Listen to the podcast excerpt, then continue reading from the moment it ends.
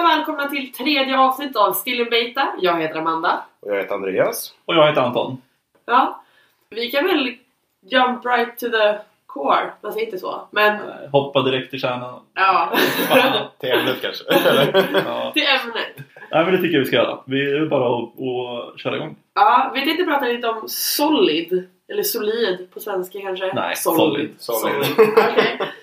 Eh, som ju är ett antal principer, designprinciper som eh, Robert C. Martin har sammanställt. Men vi har väl kommit fram till att det inte är han som har kommit på alla. Utan Nej. någon mer bara döpt dem till Solid. Ja. Jag tror han har kommit på någon av dem, men jag kommer inte ihåg vilken. Det står Vi- säkert om man läser på. Vi, vi, kommer, vi, kommer, vi, kommer, vi kommer till det snart. Eh, han är även känd som Uncle Bob, tror jag. Ja. Uh, han skriver massa böcker. Som är, Med sig själv och med andra och ja. allmänt intelligent kanske men han kommer säkert vara det när han dör. Ja, men om man, om man kallar, sig- har fått igenom att kalla sig själv Uncle Bob, då har man ändå skapat något slags legacy. Oh ja. ja, ja, så är det. Vi lägger väl en, en länk i, i anteckningarna sen till hans sida. Har ni sida? göra. Det tror jag. Någon hemsida har ni såklart. Absolut. Men kort och gott så är det väl ja, fem eh, principer för att din För- kod inte ska lukta skit helt enkelt. Ja. Ja. För objektorienterad design kan man Ja, också det är ganska viktigt. minor thing. Mm. Ja, för att undvika codesmess helt enkelt. Mm. Och eh, det är ju som sagt fem stycken olika. Vi kan väl helt enkelt börja med den första. Ja, tycker jag. Ta mig inte Och den är, ju, den är ju ganska straight forward. Ja, det kan man tycka. Ja. Det är typiskt lätt princip men svårare att implementera. Ja, så Andreas, vad står S för? Den står för eh, Single Responsibility Principle. Wow! Um, nej, men kort och gott egentligen att ehm, en, eh, en klass ska bara ha liksom en anledning till att förändras. Och hur kan det Och underförstått, den ska bara ha ett responsibility, eller ett ansvar egentligen. En klass ska göra en sak. Superenkelt sagt. Ja. Är det superenkel, superenkelt gjort? Nej, jag tycker inte det egentligen. Eller så här, jag brukar alltid ha single responsibility i åtanke när jag skriver kod. Det är typ den man tänker, alltså enklaste regeln att alltid men att efterleva och tänka på i alla fall. Ja, nej, men precis. Det tycker jag också. Men sen är det också så här, jag tycker det är svårt att veta vilken nivå man ska lägga sig på. Det känns som att man alltid kan ta det steget längre. Ja, men typ som du har en, en student har en adress istället för ett adressobjekt istället för att bara ha ett adressfält. Eller någonting. Ja, det blir en alltså, ja, men alltså, man, man miljon kan ju alltid ta det jävligt långt, tycker jag. Ja. Ja, alltså, ja, men det är samma sak. Alltså, det är både... Det här är ju lite grann... Just den här gäller ju för eh, klasser, va? Ja. Mm. Ja, men det är egentligen samma sak. Man, har, man tänker ofta på det här när man skriver metoder och när man skriver alltså allt. ja, det är sant. Ja, men jag, Alltså- tycker, jag tycker det är lättare att... Eller det kommer mer naturligt att applicera det på metodnivå. Mm. Ehm, tycker jag. Alltså, för en klass, då tycker jag så här att... Ja, visst, om du har en, liksom en bilklass. Du vill att en bil ska kunna göra vissa saker. Och det blir liksom så här... Du får... eh, jag vet inte, jag tycker det är lite... Det, det kan vara lite svårtolkat när du blir på klassnivå när du har till exempel att en bil ska kunna göra flera olika typer utav... eh, Ja, men typ, den ska Action. kunna köra men den ska också kunna gå och öppna bakluckan på eller... Eller är det så du menar? Ja, men precis. Eh, och då kan man ju liksom, då kan man tänka så bara, ja men då har ni ju fler ansvar, eller? Ja. Och ska hur, det väl- hur ska man, hur, hur, hur, liksom, hur bearbetar man det? För att följa principen. Nej, men på, det- på så sätt tycker jag det är mycket lättare att ha det på metodnivå till exempel. Ja. Mm. Eh, att ha att en metod har liksom ett responsibility. Du kan, ju liksom så här, du kan ju få en varningsflagga direkt när du liksom så här slänger in ett and i metodnamnet eller någonting. Ja. Då är det liksom så här, ja, den här metoden gör med, alltså så här, med största sannolikhet för mycket. Den gör, den, den gör två saker säkert. ja, men precis. Alltså, och då, tycker jag, då är det lättare att tolka det, men på klassnivå tycker jag det blir svårare. Och också kanske att när man skapar en metod så först tänker man att det klart ska vara den här klassen. Men sen kan man ju börja fundera på när man skriver metoden om det här faktiskt hör till bilklassen eller om det här har egentligen med kanske en chaufför eller så. Ja, men precis. Och alltså, jag, grejen är att du var lite inne på det Andreas, men det är svårt att veta när man ska liksom nöja sig. Alltså, Ja. Man kan ju liksom fortsätta bara skapa mindre och mindre klasser i all oändlighet känns det som. Man måste hitta den här Ja, men, sweet spoten Ja, där, precis. där det är lätt att underhålla samtidigt som du inte får så många klasser att det, blir, att det börjar bli svårare att underhålla istället. Ja. precis. Det där, när trillar det över Ja, till att bli ja, någonting precis. negativt. Och Det är inte helt lätt. ja. Alltså jag tycker, jag tycker det är ganska svårt egentligen. Ja. Verkligen. Sen har man problemet med att man ska ju försöka följa någon slags... I ett projekt så kanske man har... Om man jobbar med flera, eller bara allmänt att man är konsekvent inom ett projekt. Mm. Och säga att vi har den här, en, en bilklass, men en bilklass ska också ha en chaufför, men då kan inte vissa bilobjekt gå hur långt ner som helst. Att inte en sorts eh, bilobjekt eller bilklass har supermånga klasser som bara används ja, det går djupare och djupare på den. Men nästa Audi-bilklassen har bara en bilklass och där är allting i samma klass. Man kanske vill go deeper, skapa fler klasser, men det skulle clasha med det man har gjort innan. Förstår du vad jag menar? Mm. Mm. Ja, absolut. Eh, jag kan hålla med. Eller så här, det, det är viktigt att vara konsekvent. För, för ja, alltså så här, du där och då behöver inte vara för konsekvent för din egen skull. Men, du men behöver- för nästa ja, person. ja, precis. För, liksom så här, för framtida tänk, för, för framtida förvaltning utav liksom, systemet. Så här, ja, jag, jag tycker att det är viktigt att vara konsekvent. Alltså så här, Mm. om man ska kanske inte tänka på sig själv. Om man inte själv ska sitta och förvalta någonting sen då. Ja. det är inte alltid det heller.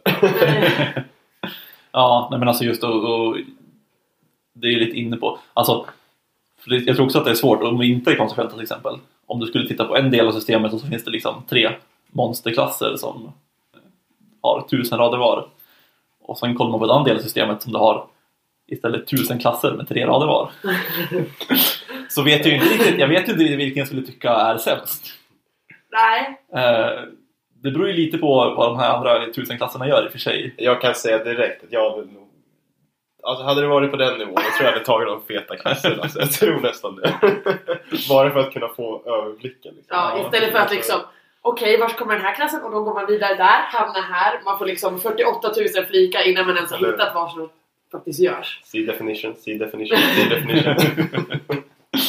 Ja, precis. Nej, men jag tycker den är ju inte superavancerad den här. Tycker jag. Alltså, Nej, men det... det- är ju mest det här svåra att hur, hur långt man ska ta det. Hur långt man ska ta det? Det, det handlar väl om att hitta en, en normal nivå. Och Mm. även att man ska... Den normala nivån ska också vara normal för de andra man jobbar med på samma Ja. lösning. Eller samma projekt. Ehm, Men den är, den är lätt att förstå, skulle jag säga. Det är den enklaste att förstå, egentligen. Typ såhär, vad den innebär. Ja, ja men verkligen. Men det är också det är superlätt som princip. Otippat svår att följa. Ja, den är typ så här. Det finns... Alltså så här, full, jag vet inte om... Det finns ju ingen riktig så best practice på den, kan jag tycka. Eller? Är finns- ingen, ingen sån här magical Nej men den, det är, en, det, det är det- en av den som är lite fuzzy av dem alla. Av de här fem principerna. Den är inte fuzzy, men lite blurry. Men det beror Jag tycker ju, vi, vi kommer ju komma till det här sen, men jag tycker ju att det finns andra som är väldigt mycket mer fuzzy. Ja men alltså så här, ja men... Men det är ju såhär, vad är Ja, responsibility? Vad innebär det? Det kan man ju lägga på jättemånga olika nivåer. Ja absolut, absolut. Men jag tänker mer liksom så här, konkret hur man, hur man liksom applicerar principen. Mm, ja, du tänker att det här är den, den minst konkreta eh, råd? Eller vad ska jag säga? Alltså Ja, konkreta sant? regler? Ja eller- men i ja. princip. För Alltså, de andra har ju liksom, det här är problemet, lös det genom att. Den här har liksom Ja. ingen löst genom att. Det är bara Eller- att skapa klasser när du behöver. Ja precis, eller så kan det bara vara ja, du ska inte göra så här. Ja. Alltså, och då är det lite så här, då är det lite mer konkret. Men den här Ja. kan vara lite så här. Ja men det kan du, du har en- avvägningar. Ja det är lite, ja men precis. Det är lite som du själv måste reda ut och lägga, alltså bestämma. Mm. Ja, men det, Ja. det kan jag sträcka mig till att jag Ja. kanske håller med om. Eventuellt. Ja, eh, om vi skulle gå vidare till o -et. Open closed principle. Precis. Och där är det ju då att om vi tar eh, den riktiga definitionen så är det Software entities should be open for extension but closed for modification.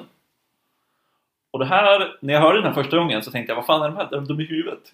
Typ. Ja, typ. Ska Eh. du aldrig få göra om någonting? Nej, för att då tänkte man så här, man ska aldrig ändra på klasser. För att om man läser och läser på Wikipedia då är det väldigt här, ja, men formellt och strikt och det är väldigt så här, Mm.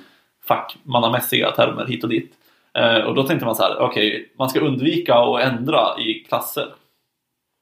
Men det låter Det- så det- dumt och konstigt i början men, Det men låter sen. jättedumt, men sen man liksom så här, man får huvudet runt det. Att det, det handlar ju inte om det. Eller så.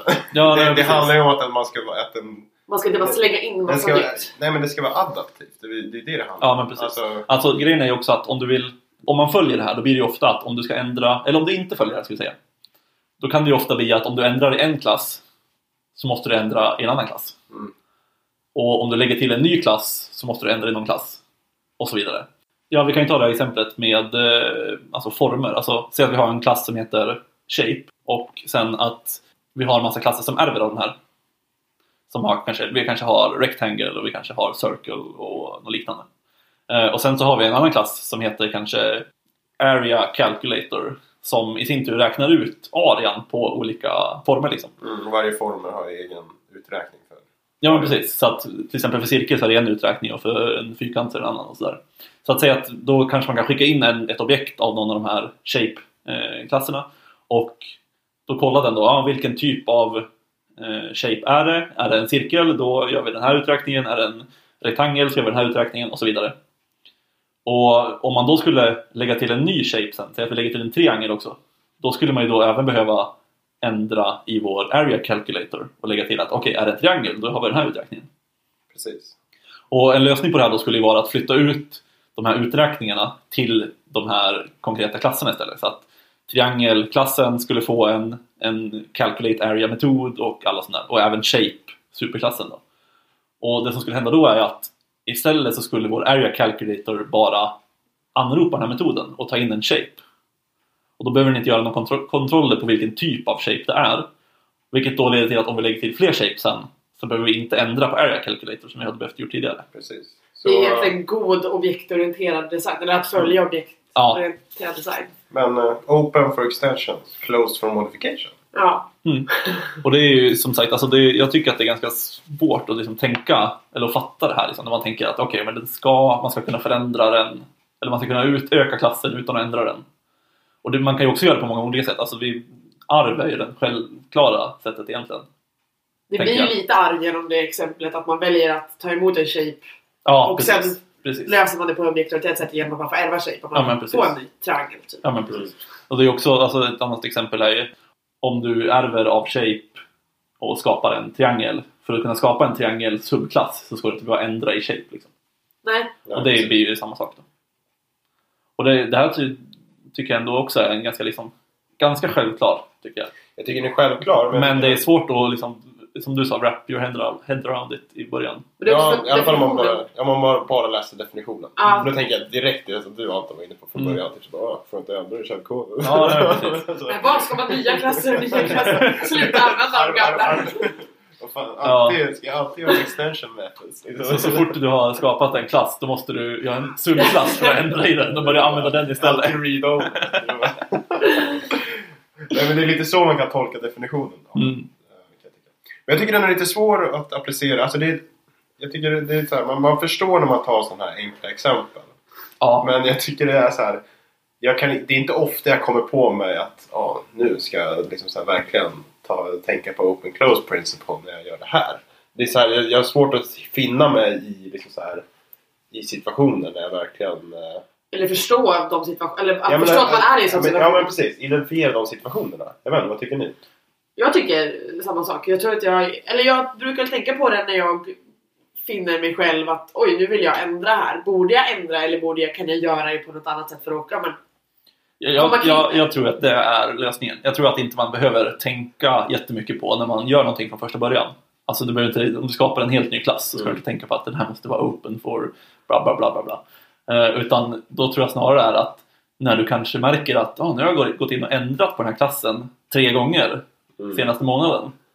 Då kanske man bör- börjar tänka att hmm, varför går jag in och ändrar här hela tiden? Finns det något sätt att göra det annorlunda och refaktorera så att jag slipper ändra här om jag gör de här förändringarna som jag gör i bakgrunden eller på andra ställen. Mm. Ja precis. det blir ju också lite grann vad...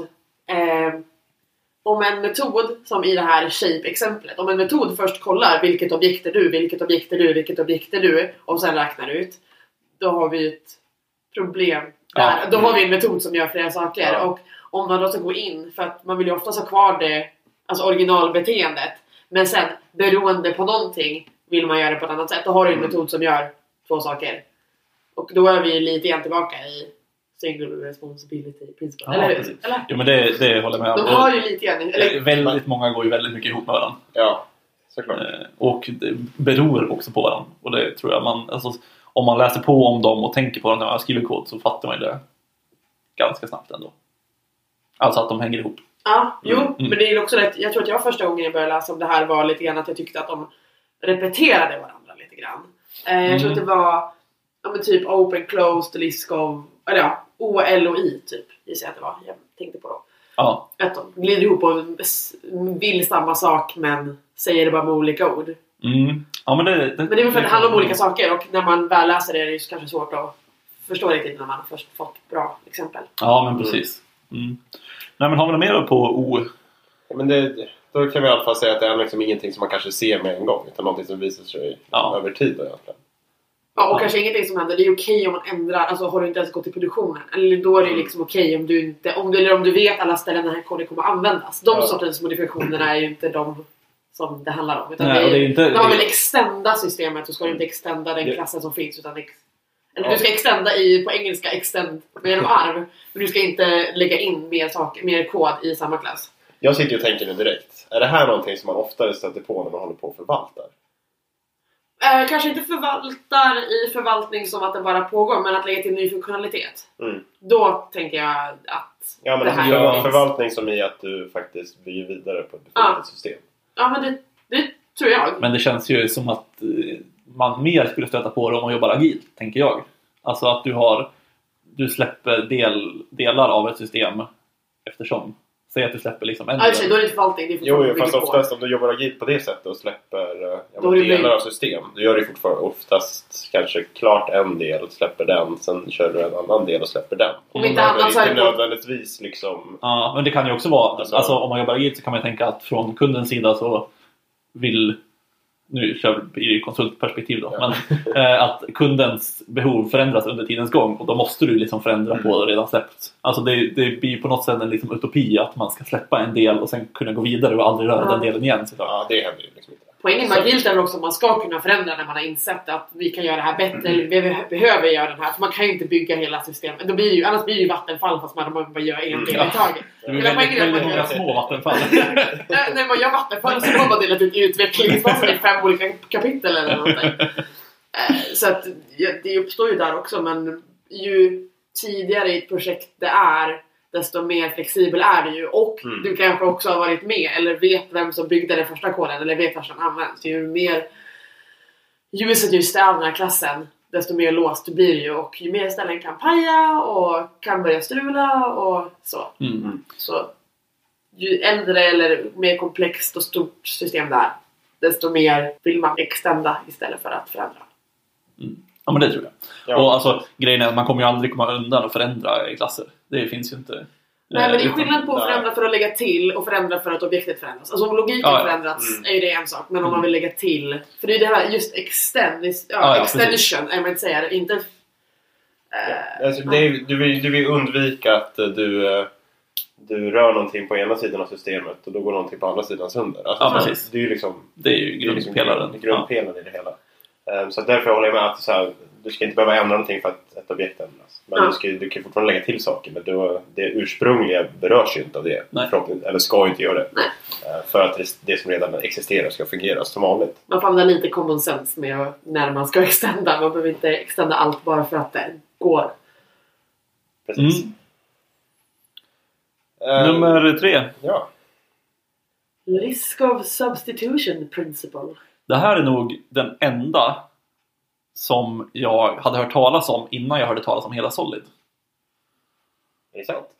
Men S Ja, jag- du ska jag bara, tycker en också- klass ska bara göra en Ja, sak. Det är ju, det är Det- ju det- såhär ja, men- implementering 101. Ja, men den, den har man hört. Men jag har aldrig hört den i kontexten Single Responsibility Principle.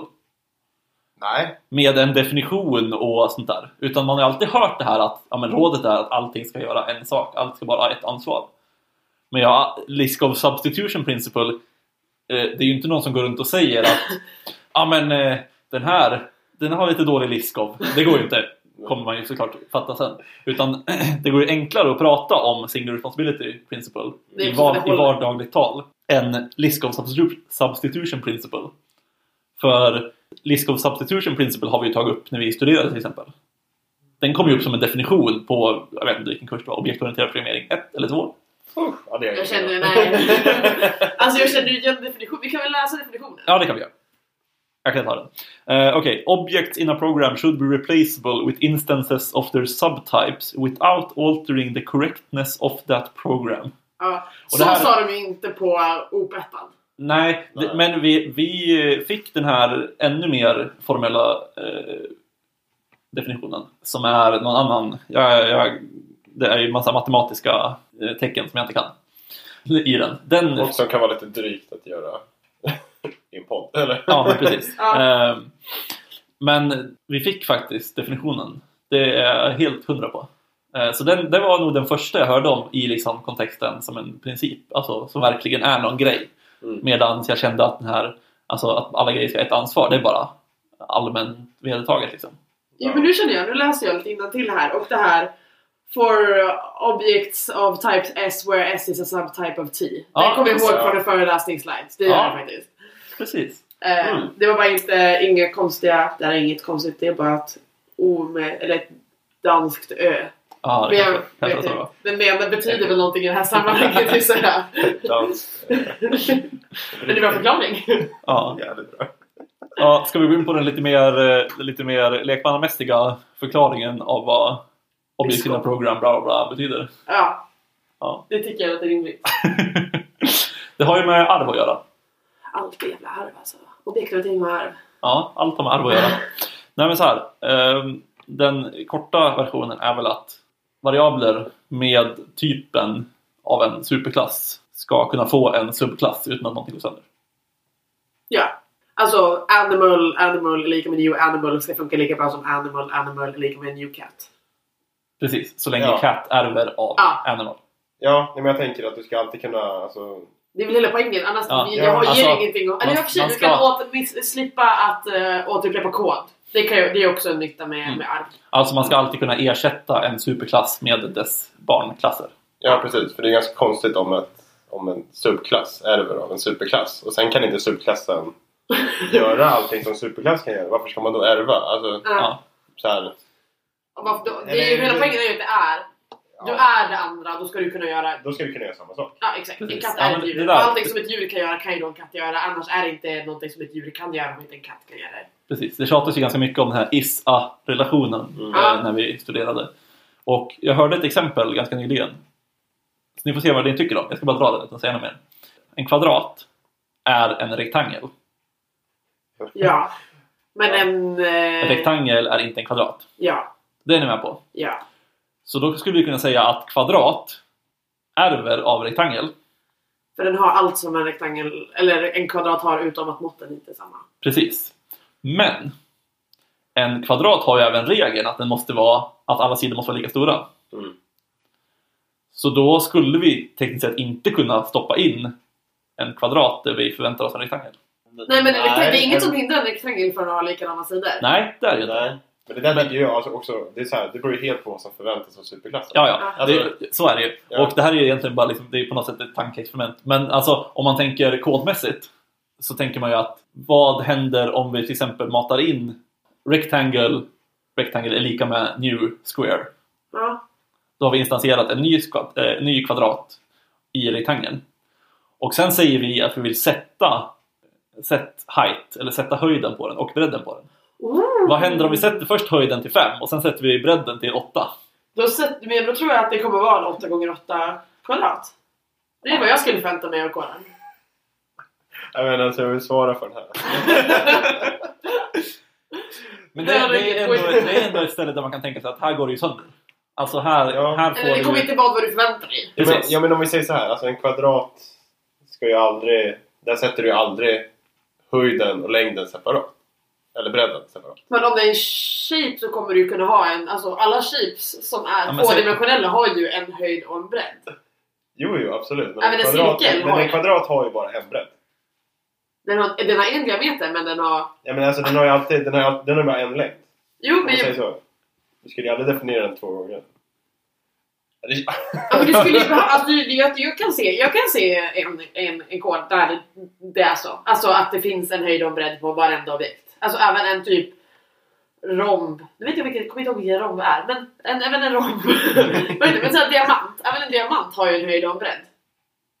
Ja, ja, men nu tänker jag sidor. Ja men det, det är ju inte definierat som sidor i, när du säger höjd och bredd. Men vi, ja, vi det- släpper den. Det vill- det Känner jag tänkte att vi kan säga om det här, eller jag, jag tänkte på när du berättade, var att vi, det, ja, vi kom fram till att det beror på vad man förväntar sig av en kvadrat. Och det är väl lite så med alla sådana här exempel. Ja, men vi kan ju döpa det till flower fast det vi menar är en växt. Så länge som vi alla har samma, alltså samma definition av vad en växt eller en blomma är. För att så länge som vi har gemensamma regler för vad en kvadrat är och de här reglerna finns ju sen i, i koden. Det handlar mer om definitionerna, vad vi har för definition av objekten än vad liksom, någon annan har för definition av. Det är också väldigt mycket med ja, men typ, ja, men domänspecifika namn. Att domänspecifika namn behöver inte betyda samma sak som någon annan inom samma domän eller samma ord inom en annan domän. Hänger ni med? Eller Ja, jag tror lite- det. Jag tror jag hänger med. men det handlar om att vi Ja. definierar. Vi definierar vad rektangel eller en kvadrat är. Och beroende på hur vi definierar en kvadrat så kan det ärva rektangel eller inte. Mm. Ja, men precis. Ja, Mm. Ja, jag tror jag håller med. vi ser väl. Det känns ju också som att såna här grejer, alltså vi har ju inte jättemycket erfarenhet av att, alltså, av att just skriva kod eller tänka på kod. Nej. Vi, Och jag tror att alltså, alla de här grejerna, alltså om, om vi redan tänker på dem nu så kanske man kommer ha ganska mycket annorlunda åsikter om tre år. ja, alltså.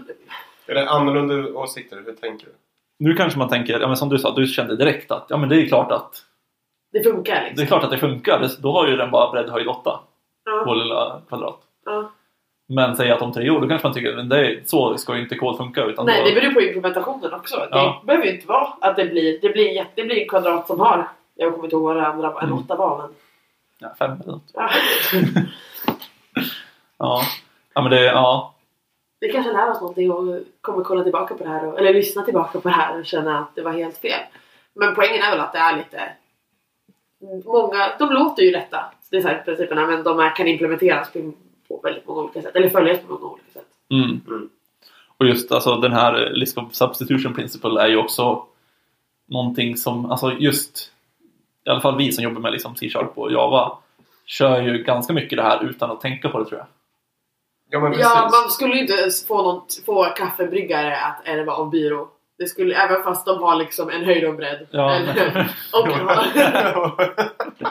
jag tänkte på saker jag, jag, här. jag börjar tänka direkt, vad har kaffebryggare för lådor? Du har ju den lilla luckan du kan dra ut eller fylla ett filter. Ja, nej, men, jag- ja men alltså det är så här, ja men absolut. Alltså det är något, mycket som blir jag vet inte, underförstått när man, eller inte underförstått men ganska självklart. mm, Eh, och det här, Lisco är en av de principerna. Mm. Men visst ärvde man väldigt mycket konst. I början så visste man ju inte vad man kunde ärva och inte ärva. Man testade ju så här, Nej, men- vad kan man, hur kan man bryta ut det här till en ny klass? Och hur, hur kan Mm. den ärva? Alltså man, det tog ju det tog inte jättelång tid men det tog ju ändå kanske två veckor, jag vet inte. ja, man, alltså, alltså, att bara få in tänket. ja, och jag tror också att många har väl lite problem att förstå det här att om du skapar, om du säger att en variabel är av typen shape och så stoppar du i en square i den Ja. så har ju väldigt många som är nya i programmering har ju svårt att förstå varför det är en square fortfarande fast det står shape. Liksom. Ja. Och sen vet jag inte om List of Substitution Principle är det bästa sättet att förklara det här. Men eh, det, det, Nej, vi, vi lär inte ut objektorientering just nu. nej, precis. Eller är det? Vi har, vi, ja, vi har, vi har, vi har uh, heter det, fortsättningskursen. Vi har inte in, introkursen Ja, precis. Vi börjar prata designprinciper. Ja, nej, men det är väl det är väl inte så mycket mer om den tänker jag. Ja, ja. Nej. Nej, vi kan gå vidare till nästa. Mm. Är det din favorit Andreas? Det är min favorit. Ja. Varför? den. Det är för att den, är, den tycker jag är, den är enkel tycker jag. Den är väldigt enkel. Ja men det, det är liksom, den, den känner man sig hemma med i alla fall. Mm. Eh, Den är väldigt svår att misslyckas med. Jag vet inte. Äh? Jag hoppas väl att den är svår att lyckas med. Jag kanske har lyckats med det, vem vet? Mm. Eh, och I står då för Interface Segregation Principle. Eh, och den säger väl i princip att en klass som implementerar ett interface ska också använda alla dess metoder som interfacet liksom, vad ska man säga, Garanterar. Garanterar, Ja. precis. Annars är det ju tecken på att du har alldeles för, liksom, för breda interface. Ja. Du, ska, du, du ska hellre ha mer specifika interface och hellre implementera flera olika interface i en klass. Än att im- implementera ett stort interface och sen använder du bara hälften utav funktionaliteten som interfacet garanterar. Det är också för att det blir jättekonstigt. När man har ett interface eller så, då garanteras ju att den här, ja men typ iWritable eller något. Då förväntar man att jag ska kunna rita ut den här. Och om man då den även har en sketch it out eller någonting. eh, Då har du ju, då förväntar jag mig att jag ska kunna anropa objektet.sketch. Men om den då säger, eller ritar ut den igen eller inte gör någonting så blir det ju väldigt, väldigt konstigt. Mm. Ja men precis, och principen, det principen pushar på är väl just det du sa Andreas. Alltså den säger väl att man ska dela upp interface i flera mindre interface istället för att ha stora interface. Mm, ja men precis. För varför ska du säga att du kan? Alltså så här, så här, interface kan man ju säga, ja men det är liksom ett kontrakt på att det här kan, det här kan jag Mm. klass. Varför ska du då ha ett kontrakt på att du kan göra någonting som du inte kan göra? Eller så här, Ja, det är ju lögn. det är lugnt. Nej, men så här, nej, men det blir jävligt så här märkligt om du liksom så här, eh, ja men säg att du jag kör en dependency injection till exempel. Eh, som i princip är att du skjuter in ett interface istället för en rak klass. Eller du, du skickar upp ansvaret att eh, Tilldela. Ja, alltså du, att- du skickar in dina, alltså en klass får sina beroenden. Mm, genom, genom att- alltså, alltså att du I konstruktorn, garanterar- eller Ja, så. precis. Alltså du, du garanterar att ja, du skickar in ett, en klass som implementerar ett interface som ska- då ska ha en viss funktionalitet eh, efter interfacet som du implementerar.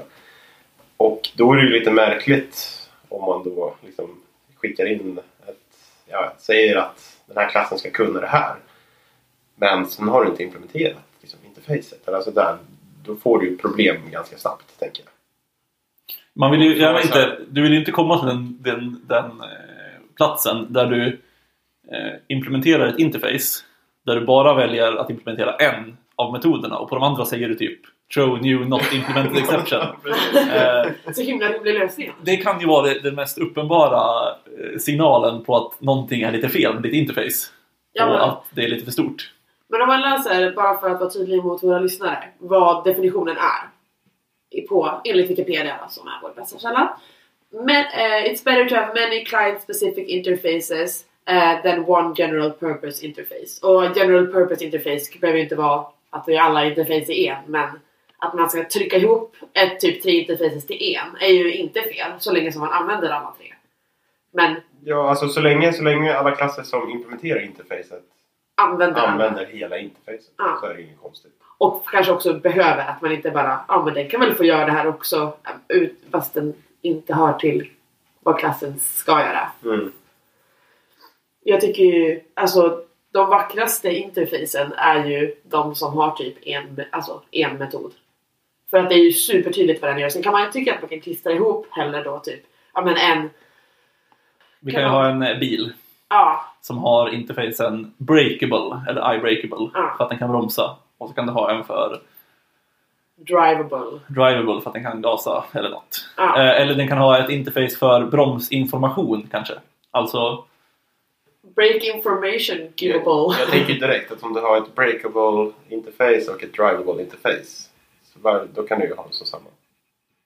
Ja. Vad, det här, kan, vad det kan här, köra utan att, eller så här, vad kan bromsa utan att köra? En bra lådbil. men nej, men det, det, det är jättebra. Jag tänkte på det här för att det är inte säkert att det beror på. Ja precis, jag håller med om att det här i-breakable var väl kanske lite dåligt exempel. Men i-break information eller Mm. liknande skulle kanske funka bättre för då skulle du kunna ha att den innehåller allt du behöver för att kunna bromsa eller för att bromsa. Men samtidigt om du till exempel bara behöver bromsinformationen någon gång. Mm. Säg att bilen kraschar. Du vill bara veta hur det gick, varför det kraschade. Då behöver du bromsinformationen. Kan du bara skicka in Ta emot ett ta, emot ett i-break information objekt. Ja, Precis. för det, ja. För då behöver du inte kunna bromsa. Nej, då behöver du bara ha bromsinformationen. Du behöver inte kunna För gasa. Du cykel kan ju också bromsa. Men en, eh, den kan inte köra. Nej, men precis. Så. Ja. Står i trampen. ja, ja. Ja. Eh, Men men- då är det okej att trycka ihop de här interfacerna i typ iCar eller någonting. Ja, det här är ju också intressant för att det här är ju väldigt lite som vi var inne på på, på S med single responsibility. Hur, mycket, hur många interface ska man ha? Ja, precis. Jag tycker så här. Jag menar, alltså bara ha interface som alla garanterar en metod. Det är så här. Ja, alltså jag... Då får du ju i princip alltså lika många, alltså du får Ja, fler så interface än klasser. Liksom. Ja men det beror Ja, på funktion. precis. Alltså är funktionen bara att kunna göra en grej, då ska du ha ett interface för det. Men om du, för att det ska kunna vara en bil, om, liksom, om det här interfacet bara kommer användas när det är en bil, då kan du trycka in det direkt där och ha flera metoder i samma interface. Jag, jag tänker liksom bara så här, du ska inte sträva efter att ha eh, så få metoder Nej, som möjligt i ett interface. Utan jag tänker snarare att så här, man, får tänka, man får tänka logiskt. Vad är det som är... Eller vad, vad, Vad hör egentligen Vad- till vad? ja, vad hör till vad? Vilka grupperingar existerar? Vad, vilka liksom metoder finns det som existerar som kräver liksom andra metoder? Då, då har de ett ganska naturligt liksom, förhållande i, Mm. i ett interface, som man säger. Eller inte att de liksom så kräver varandra, men att de, ja, att de har en relation i alla fall. Då kan de ju... Men ska metoderna ha relationer till varandra eller ska de ha relationer till syftet med interfacet? Alltså, jag tänker syftet till interfacet då. De behöver ju nödvändigtvis inte ha någon alltså, så här, Relation till varandra. Det, det, det är inte det jag menar att de ska liksom, så här, använda sig Utan mer varandra. för att kunna göra det interfacet säger så kanske du behöver... Alltså, Ja men om, alltså, jag- då tänker jag mer lite som vi surrade om innan. Att, eh, ja, varför, alltså så här, om du kan köra och du kan bromsa. Liksom så här, varför skulle bromsa ligga i en egen och köra i en egen? För att om du kör så vill du kunna bromsa. Och du behöver inte bromsa om du inte kan köra. Alltså, ja, då har de ett förhållande. Det är så jag menar. Jag, jag är ju nästan helt med dig. Jag tycker det finns exempel där det liksom inte går 100% eh, så. Men Ja, ja, jag men menar väl också att så här, man ska vara kritisk till sina interface. Ja, absolut. Det ska man ju alltid vara. Mm, och det är ja. Jag gillar ju att, att verkligen alltså separera mycket, lite som dig Andreas. Men på något sätt så kommer man ju till den, den här punkten vi pratade om tidigare där nu har jag liksom delat upp det så pass mycket att det är svårt att få en överblick över allting. Det är Istället lite för att- tillbaka på det vi pratade om Ja. på single responsibility exempel. Att vi, Precis. du ska inte ha en miljon klasser. Det är Nej, inte och det är lite samma sak med interface då. Ja, precis. Har kanske inte så mycket mer att säga om det. Eller? Men alltså, Det är, nej. inte så, det är inte så konstigt, konstig princip. Nej, men den är ju... Den är ju ganska självklar. Och sen kanske den är, det är lättare sagt än gjort många gånger såklart. Ja, men det är ju Men det är ju allting. Ja. Det är livet. ja, men precis. Nej, men det handlar ju om lite, lite... Det ligger lite logiskt tänkande bakom det. Eh, och sen är det ju bara att man får höja varningsflaggan när man har liksom så här throw new not implemented exception. Liksom. Då, då, Det känns ju bara väldigt dumt att ha det från, från Ja. första början. Ja men precis, men då får man liksom så här, när man, när man implementerar en metod, inte för att använda den utan för att man ska kompilera, då får man ju kanske börja tänka Ja till lite. Ehm, så att så sätt så är det ganska enkelt att eftersträva. Men sen att göra det på ett bra sätt kanske inte alltid är 100% självklart. Nej, jag, jag tycker ändå om alltså, att ha det i bakhuvudet. Alltså, absolut, absolut. Jag tycker att den är väldigt bra. Eh, och som sagt, den är ganska enkel att förstå. Ja men den är så här, den, är bra att ha i bakhuvudet. Men sen, jag tror inte att jag någonsin liksom kommer på mig själv att Att skapa för konstiga interface liksom. För små Ja, men så här, jag har liksom aldrig implementerat interface och alltså så här, inte använt interfa- hela interfacet. Det är så här, det blir liksom Man har ju oftast en plan. Ja, men alltså så här, det, är liksom så här, det, har blivit lite, det har varit lite underförstått. Jag har inte behövt veta om den här principen för att tänka på det lite. Nej. Utan den, den, den är, det, är lite, det är lite, den är ändå självklar. Om man säger. Ja, På, nej. på många sätt och vis. Men om man skiljer- jämför med den här med Open Close Principle. Open Close Principle tänkte jag inte på förrän jag fick förrän jag läste om den. Den här var ganska given från, Mm. eller underförstått. Mm. Ja, men jag håller med. Absolut. Ja. Ska vi gå vidare till sista? Ja, den här tycker jag är den flummigaste. Den här är den jag kan sämst. Tror Men då jag. kanske du ska förklara. Ja, då får du lära dig. Eller tvärtom, hörde jag. Nej. Passa bollen vidare. Eh, nej, men jag, jag kan väl säga... jag kan väl säga vad det handlar om. Ska jag säga fall. vad den heter? Jag kan säga vad den heter. Den heter Dependency Inversion Principle. Och då är det ju inte Dependency Injection som jag gick och trodde första året jag hade läst om Solid. Eh, alltså, det är inte Dependency Injection Principle utan det är Inversion. Och ja, jag kan väl ta definitionen som vi har. Det är två delar. High level modules should not depend on low level modules. Both should depend on abstractions.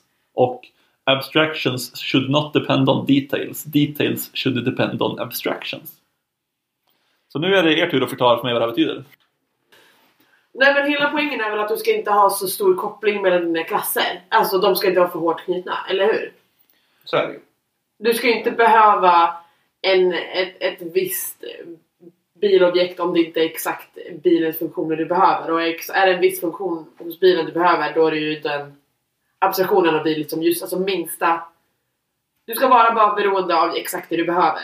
Behöver du bara kunna köra då skulle du kunna vara beroende av iDrivable eller någonting. Behöver du en bil då behöver du liksom inte ha vilken sorts bil det är utan du kan bara jag ska ha någon slags bil. Eller varför behöver du en bil? Jo men jag Mm. behöver en bil för att den ska kunna transportera mig. För, eller känner ni att jag är inne på ett spår? Absolut. Alltså att du, ja men hela biten att du ska vara dependable på, av, av abstraktion. Ja. Alltså du, Minsta möjliga... du behöver eh, någonting som kan utföra det här. Du skiter i hur den gör det, Ja. men den gör det. Eh, och det är väl lite så jag försöker tänka kring det i alla fall. Att, eh, ja, det handlar liksom inte om den konkreta koden, exakt hur du löser det. Men du, eh, du garanterar att du löser det. Så, Ja, ja men exakt. ja, men, Mm. Jag tänker ju att det jag kan om den här är ju typ att alltså dependency injection, alltså att man eh, injicerar beroenden till klasser och att du injicerar dem som interface istället för konkreta klasser egentligen hjälper till att uppfylla det här. ja det, det tänker jag också. Eller så här, dependency injection är någonting som bidrar med att du bara... Alltså så här, Att det beror du på abstraktioner. ab- Abstraktion, precis. För att du liksom så här, ja. Men det är ingen garant. För jag kan ju använda dependency injection Ja, utan ja. att använda interfaces. Ja, men ja. absolut en väldigt bra hjälp. Så att jag tänker att liksom eh, och det, det som jag blir förvirrad av är ju det här att den eh, pratar om high level modules och low level modules. Mm, att de ska precis. bero åt andra hållet. Eh, att man vänder på det här Ja. beroende den logiska vägen liksom. Mm. Och det är väl mest det som jag är förvirrad. Men sen tänker jag liksom att det, det, det, blir, det kommer på något sätt lite automatiskt också om man tänker på hur man strukturerar koden och om man följer de andra fyra principerna. Så tänker jag att den här är den som liksom kommer ändå lite alltså på köpet. Du får gärna utveckla hur du menar. Helst inte. Ja, men jag skulle nog Ja, jag vet inte om den kommer på köpet va? Alltså, Nej, men om, de, om du tänker... De ja, ju ihop. För, Ja. Och det är väl också därför de är ihopkopplade i just Solid. ja, de på har ju- köpet var väl kanske en liten överdrift, ska jag väl erkänna. Men poängen är, alltså, decoupling är väl hela grejen. Det är ju Ja, men precis. både liksom på samma nivå men också då att man ska kunna typ byta ut en hel modul mot en annan. Mm, precis. För att liksom, det och det ska fortfarande fungera. ja. Och här har vi, ja men, abstractions kan ju ske i form av klasser men också av interface och på andra sätt. Eller ja, det kanske bara är på genom argo interfaces. Eller? Kanske. Ja, vi ser. Ja, vi, vi ser. vi, vi kommer överens, sen sa vi det. Nej men jag tänkte, alltså, som jag fattar det här, så, alltså, om, det, om man ska följa den här stenhårt, alltså om du verkligen ska följa den, då blir ju att skapa nya objekt liksom fel. För då, då Då har måste du du... bestämt vilken sorts Ja, men objekt då, det är. ja, precis. Men då måste du ju, för den som skapar nya objekt, alltså den klassen som skapar ett nytt objekt, den måste ju bero på det objektet den skapar. Ja. Jo, jo. Men jag tycker den där är konstig också. Eller så här, du kommer ju aldrig ifrån det. Nej, men jag tänker, alltså jag... Men du kan ju välja det på, du kan ju samla allt det här på en, alltså själva klassen är inte beroende av det exakt vilken implementation det är. Precis. Men sen kan du ju ha typ en factory-klass eller någonting som har bestämt vilken sorts fordon som, som gäller. Precis, så att, ja, men det, det är ett bra exempel. Alltså så här, att om vi har att vi har just nu någonting som skapar lite bilar. Ja. Eh, istället för att ha den klassen som skapar alltså någon exempel bara, ah, skitsamma. Men det kanske är Eh. bilar först, typ bensinbilar, men sen gör vi om det till elbilar. Nej, det var kanske konstigt exempel. Men så fortsätter du, Det är inte så konstigt egentligen. Nej, det, det jag tyckte det var bra. Men det jag skulle komma fram till är att vi skulle ju vilja flytta ut det här att om vi har kanske tre olika ställen där vi skapar en ny bil på i vår kodbas. Då skulle vi kanske vilja ta bort det för att vi vill inte att vi ska ha tre olika ställen som beror på de här bilklasserna. Utan istället så vill vi flytta ut dem till kanske en, eh, någonting som heter Car Factory eller något. En sån klass som i sin tur är den som har metoder för att skapa respektive bil. Så varje gång vi vill ha en bil så kallar vi på factoryn och säger ge mig en bil. Precis, och då skulle vi också kunna ha att vi kan ha en eh, Electric Car Factory och en Gas Car Factory och sådär som skapar de olika respektive bilarna som beror på ett interface som heter Car Factory. Och då får vi helt plötsligt ett interface så att vi behöver inte bero på själva klassen Car Factory eller Gas Car Factory eller vad vi hade. Utan vi beror fortfarande på ett interface från de här tre ställena då som vi hade tidigare där vi skapade bilar. Skulle också kunna funka för Eh, nu handlar det om att så här, men byta vilken bilsort så här, men det skulle också kunna funka för att byta typ märke på bilen. Att man liksom samma kod men skickar in en BMW eller skickar in en Audi. Ja men precis. Så att det, det är... Ja, jag, jag är för- lite för- med på För det här då, då, då blir man ju av med det här new key, alltså nyckelordet. När klassen själv inte ska bestämma vad den ska Ja. ta för objekt. Men däremot- Eller du, du, Precis. du, du Nej, bestämmer alltså- abstraktioner av objekt om man säger. Alltså, Precis, alltså den ska inte bero på den konkreta klassen. Och det är där vi vill få bort. För att, Mm. för att när man kör new då blir det automatiskt att det måste vara ett konkret. Du kan inte köra new hos ett interface. Man kan säga att den klassen som skapar new i, i nuläget, i det dåliga, eh, med citationstecken här. Eh, det behöver ju inte veta vilken sorts bil det är. Men det är inte konstigt om en Car Factory-klass, om den faktiskt bestämmer vilka bilobjekt. Det är inte lika konstigt att den är beroende av vilk, exakt Nej. vilken bil. Precis, för att det, vi måste ju helt enkelt ha något ställe och bestämma. Och då vill man att det stället ska faktiskt vara det som faktiskt är beroende. Ja, och då får vi också, och som, som sagt, om vi hade tre ställen tidigare så får vi ett ställe nu som beror på den konkreta klassen. Ja, men jag är med på det här. Mm. Jag tycker det är rätt. Jag tror att det här kallas typ factory pattern eller builder pattern, alltså olika designmönster som Ja. finns. Eh, jag kommer inte ihåg vad skillnaden är mellan de två, men Men jag kom på ett exempel för eh, det här med high level och low level. jag är jättenyfiken här. Men jag Mm, tänker, eh, om ni tycker att jag är ute och svävar här så kan ni avbryta mig. Eller så klipper vi bort det. Eh, men higher level modules should not depend on low level modules. Och då tänker jag så här. Om vi har en high level module som är typ någon slags service som ska hantera böcker eller det så här, biblioteksservice. Den behöver ju kanske, den kanske har en databas, men den behöver inte ha en databas. Den behöver inte vara beroende av en databas. Den behöver ju bara vara beroende av the abstraction som kan vara en datalagring. Och datalagring kanske ska ha då en- liksom crude-grejerna. Där är create, read, update, Delete. delete. Ja. Eh, Men det spelar ingen roll för servicen om det här är en, eh, en databas eh, eller om det är typ någonting som är lite, men ett do- dokument som ligger på, på, liksom på servern eller om det ligger på liksom en typ dokumentdatabas eller om det är eh, i, i liksom direkt i minnet. Men den behöver ju bara ha en datalagring. Den bara då... spara. Vad sa du? Den Ja exakt. spara. Eh, medans då low level modules i det här fallet blir de här olika implementationerna. Mm. Så att den är inte beroende av en databas eller den är inte beroende av en, en, ett dokument som sparar det här utan den vill bara kunna da, spara det här på någonstans. Ja, Det- men alltså klassen är, blir ju liksom så här.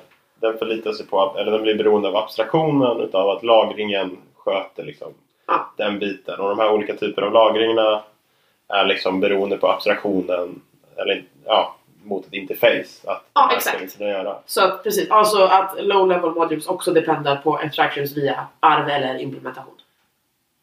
Ja, det, ty- det tycker jag låter vettigt. Ja, Ja, det var ett bra exempel tror jag. förhoppningsvis är det bra. Annars så får ni väl kontakta oss och säga att vi har fel så kan vi få lära oss. Ja, vi vill passa på att säga det. Alltså är det så att vi har fel? Det vill vi Eller, jättegärna veta. eller om ni bara tycker om att ni har fel. Eller tycker annorlunda. Ja, Så kontakta oss. Vi har väl på Twitter finns vi på stillinbetapodd. ja det tror jag. Och vår mailadress är info. Och det funkar nu. Den har funkat eh, sedan avsnitt två i alla fall. Så att eh, det är jättebra. Och om ni tycker om podden så eh, recensera oss jättegärna på iTunes. Eh, Då blir vi Det, glada. det betyder supermycket. Det är egentligen det bästa för att andra ska upptäcka podden också. Vi vill ju att alla ska lyssna på oss. Ska vi fortsätta prata lite mer? Ja, men det kan vi absolut göra. Vad har vi att säga? Jag tänkte, vi har ju pratat egentligen om alla de här fem olika principerna. Men jag tänker nog att det viktigaste takeawayen är ju att det är just principer. Ja, Alltså, Not set in stone. jag tänker att när man är liksom ny som utvecklare så är det väldigt lätt att man hittar någonting som är någon, någon smart kille har sagt, eller tjej såklart. Eh, som, ja alltså, det låter skitbra. Alltså och så här, ja det här löser ju alla mina problem. Det är samma sak med designmönster. Alltså, som man kan Typ få... singletons, att man kan sen Ja, överanvända det. Precis. det är lite där jag vill komma. Det är väldigt lätt att man går in och man säger att okej, men jag, nu ska jag följa alla de här till punkt och pricka. Jag ska göra allt de säger och då kommer min kod bli grym. But... Eh, Det kommer ju inte hända. Eh, För det första så går det ju förmodligen inte att följa de här. Alltså om du skulle följa Solid till punkt och pricka i ett program så jag tror inte att det går. Jag tror inte att du kan få ett funktionellt program där du uppfyller allt det här. Jag tänker att du kan följa det här men du kanske inte kan följa att det finns andra designprinciper eller framförallt design patterns som går emot varandra. Men just Solid tänker jag borde gå ihop, eller? Ja, men alltså om du ska ha... Om, tänk dig att du drar det stenhårt. Alltså du får inte... Varje grej ska ha... Ja, du får inte göra några fullösningar eller någonting Nej. som är bekvämt och du måste skapa många extra klasser bara för att följa. Ja, det ba, blir ju- bara single responsibility till exempel. ja. Alltså Mm. varje klass ska ha en, en, ett eget specifikt ansvar och bara göra det. Ja, det är svårt. Ja, också så här, vem, hur vet man när man har nått målet? På, inte exakt alla, men det är ändå definitionsfrågor och avvägningsfrågor. Ja. Då kanske du, det kanske tar väldigt lång tid och blir väldigt mycket frustration för att Ja. du lägger jättemycket tid på att få att det ska se korrekt ut. Ja, Eh, Medan det kanske inte gör någon skillnad i prestanda eller läsbarhet egentligen. nej men precis. Och det är ju också en väldigt viktig grej att så här, alltså visst man kan ju kanske göra det på ett finare sätt i koden. Alltså det behöver inte ha precis med designprinciper att göra. Alltså ibland kan det vara att du kan göra det på ett finare sätt men du tjänar ingenting på det. Och särskilt om man har liksom en, data, eller en kodbas som du redan som du arbetar med och inte skriver helt ny kod utan du kanske förändrar gammal kod. Då är det väldigt sällan alltså så här, Så du skriver om allting för att det ska passa den här principen. ja, och lite så här refaktorera inte för refaktorerandets skull. Ja, men Nej, precis. Utan det, ska, det ska ha ett syfte med refaktorering. Mm. Alltså, Ett mål eller, eller att det är skit nu. ja, men Jag här, tänker, vad, hur är uttrycket? What ain't, what ain't broke? Fix. Don't fix what ain't broke. Ja, precis. det var lite det jag Det hade väl the premature refactoring är väl också Ja, det är en någonting term jag har för hört. att så här, lägg inte massa tid på att du kanske sparar jättelite men det är också saker som kan gå sönder på vägen och förändras medan faktisk prestanda eller läsbarhet förändrades väldigt, väldigt lite. Mm. Man kan ju också tänka då att det är väldigt mycket bättre att göra bra, lägg extra tid från början. Typ skriv tester från början, välj bra namn från början, följ single responsibility principle från början. Det kommer jag på nu. Ja. Så är det enklare sen, all, allting blir enklare sen. Nu när du sa det där så kom jag på att eh, vi har egentligen inte pratat någonting om tester och just särskilt så här enhetstester eller unit-tests. Väldigt många, väldigt många av de här förenklar ju unit-tests. Alltså tänk eh, om vi tar som exempel eh, ja men alltså Liskov substitution principle gör ju det enkelt för då kan du bara Skapa ett testobjekt. typ. ja, skapa testobjekt. Samma sak med, med att du har enskilda ansvar, alltså första. Då är det liksom, det är, en- ju, ju Då kan du testa objekt. bara den klassen. Ja. Annars Och- blir du väldigt, väldigt lätt ihop. Precis, och samma sak med interface segregation. Eh, då kan du ju testa bara mot det interfacet. Och om du vill testa liksom en specifik del av en klass då kan du ju testa mot det specifika interfacet som har den delen istället för att ha ett stort interface som är allt. Och då kan du ju testa, det blir enklare att testa och sådär. Mm. Sen, jag är väldigt dålig på unit-test eh, och enhetstesta, eh, så jag kan inte så mycket om det. Men eh, Men väldigt, jag, jag känner att jag är helt med. Mm. Först Mm. förstod ingenting, nu helt med. ja, men bra. Ska vi låta det avsluta veckans tänkte jag säga, men jag menade månadens avsnitt. Ja, Det låter bra. Jag tycker det har varit... Jag har lärt mig massor idag. Ja, och tyckte ni att det här var ett bra ämne eller tycker ni att det här var ett dåligt ämne? Let us know så kan vi liksom försöka anpassa oss efter vad ni lyssnar på. Det här var också lite grann ett av de lite mer hårt ämnen. Tidigare har vi pratat väldigt mjukt om typ Ja, vad vi på jobbet och Mm. söka jobb. Eh, Men tanken är att vi ska ha ganska blandat utbud, Ja. så att säga. så uh, let us know vad ni tycker om det på tidigare nämnda kanaler. Ja. Stillenbetapodd at Twitter och info at stillenbeta.se för mig. Ja, jättebra. Jag vet inte. Eller? Förvirrande. Du får ju säga ät innan namnet. Ja, det var väldigt... Ja, men nu ska At inte... stillindatapod på Twitter. Ja. Och info at stillinbeta.se är vår e-postadress. Nu ska vi inte hänga upp oss på detaljer. Ja, okej. Tack för det avsnittet hörni. Tack för Ja, oss. Tack. Ja, hej då. Ja. Hej.